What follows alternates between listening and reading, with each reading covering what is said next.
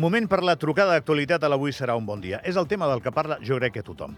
Una senyora de 80 anys, un edifici que és propietat d'una empresa mm, eh, relacionada, o no sé exactament eh, si totalment propietat d'un creador de contingut molt famós, de Gref, i la senyora doncs, ja fa anys que la volen eh, moure d'allà doncs, perquè volen eh, fer una altra cosa d'aquell edifici. La senyora fa 35 anys que hi viu i diu que hi ha un contracte verbal, té un advocat que la defensa i no se'n va.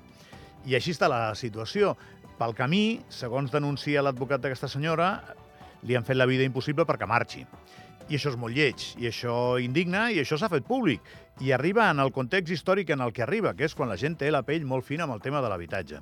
El portaveu en aquest programa, i sovint quan pren la paraula de la plataforma per un habitatge digne, Joan Ramon Crespo, i ens atén. Joan, bon dia.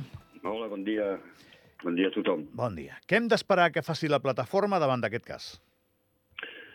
Eh, de moment, posar en coneixement de tothom el que d'alguna manera s'ha estat silenciant durant, durant tots aquests anys.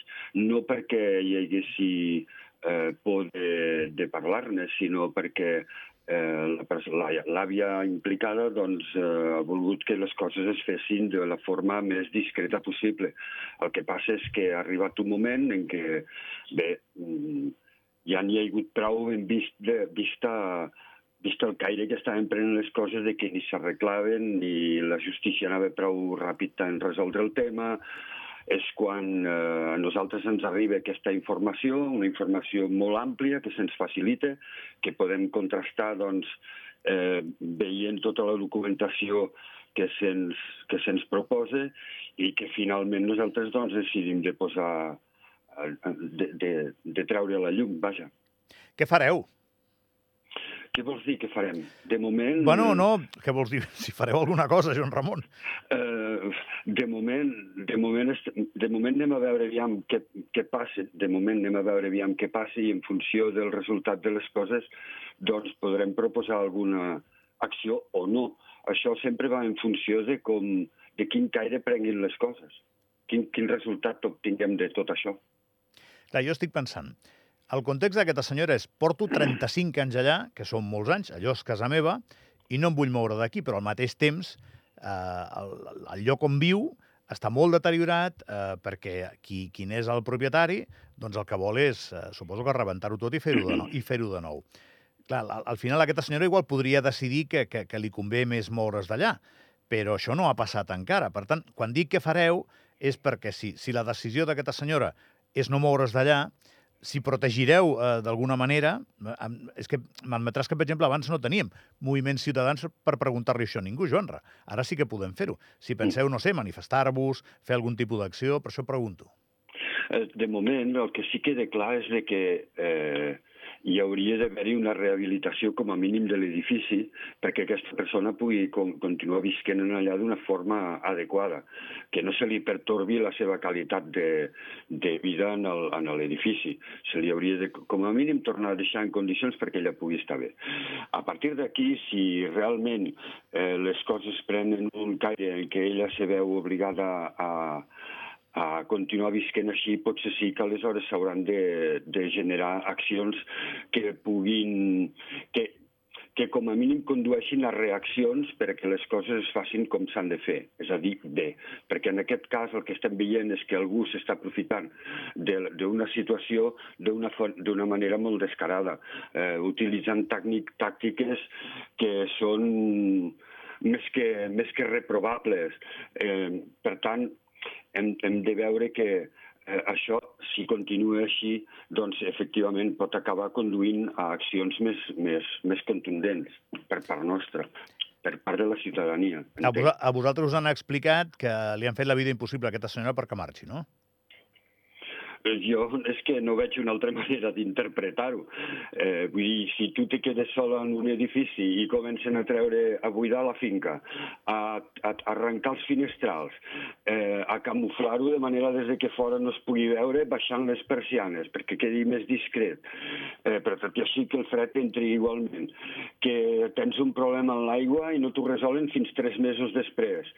Eh, no sé, a mi em sembla molt evident que tot això és, són tàctiques moralment i èticament molt, molt dubtoses. No, home, per no dir més. Segur. I, i, I després, per altra part, a mi m'agradaria explicar les coses bé, també. Uh, qui s'ha quedat aquest edifici, uh, no sé, en aplicació de la llei, té dret a fer el que vulgui amb aquell edifici? Eh, pregunto, Joan Ramon. Aviam, aquest senyor, quan va comprar l'edifici, el que tenia que haver fet és eh, assegurar-se, en primer lloc, d'en quines condicions exactament estaven tots els contractes i veure, aviam, quina era la situació de cada un d'ells per no després, després no trobar-se amb sorpreses com li ha passat aquí. En aquí estem davant d'una persona doncs, que té un contracte fet eh, des de l'any 89, que és anterior a la primera llei d'arrendament, eh, que li doni uns drets doncs, que a través de les lleis que van arribar posteriorment no, no tindríem. Per tant, jo crec que a aquesta senyora se li ha de veure molt, molt, molt exactament quina és la seva situació. I la justícia hauria d'actuar en conseqüència. Quan et pregunto si la plataforma... Eh, jo, jo no estic al grup aquest de Telegram amb un nom fals com, com han fet d'altres. Vale? jo, jo, quan vull saber una cosa, te la demano, però no, no m'he colat en allà per fer el xafarder. Eh? Llavors et pregunto, eh, hi ha xup-xup sobre si se us veurà d'alguna manera en els Premis Eslan que monta de Gref o no? Tot podria ser. No, no, no és a descartar. Tot, tot, tot ha d'anar en conseqüència al, al que vagi succeint. Hem d'anar pas a pas, anar veient què passa i pas a pas anirem prenent decisions. Però per què no? Per què no? I per què no està davant de la batllia un dia, uns quants dies també per protestar si les decisions que es prenen no són les adequades? Eh, avui dia ha de quedar clar que eh, si, si l'opinió pública i el que passa en el país no correspon al, a, les, al, al, a la justícia, al dret, a les necessitats, doncs eh, s'ha de sortir i s'ha de dir clarament. S'ha de dir clarament. Les coses ara s'han de dir no, es, no es pot continuar callant. Ja n'hi ha prou d'amagar les coses per por a que em puguin dir que... L'altre dia parlava amb un advocat per telèfon i em diu, hòstia, cuidado que estàs dient això per telèfon. Dic, és que m'és igual que m'escoltin o no.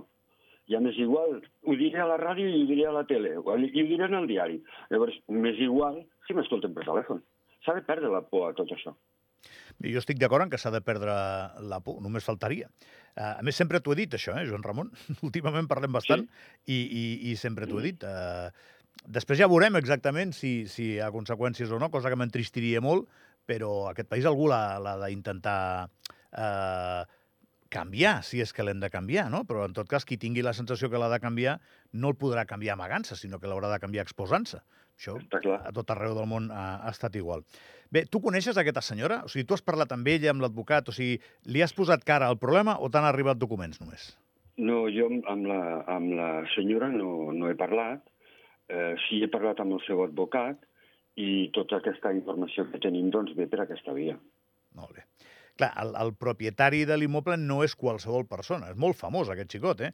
Té, crec que té 14 o 15 milions de seguidors. 18 a YouTube. 18, doncs mira. Sí. pues 18. Eh, no, no, és dels més famosos i, del món. El, i, i, I organitzarà els Premis Eslan, però jo el que em pregunto amb tot això és, veient una mica les, la, la, el tarannà d'aquesta persona fent les coses que les hauria, segurament les hauria pogut fer molt millor i d'una manera més... Eh, més adequada per la, les circumstàncies que hi ha amb la persona que viu en l'edifici, que és aquesta senyora, aquesta àvia de, de 80 anys.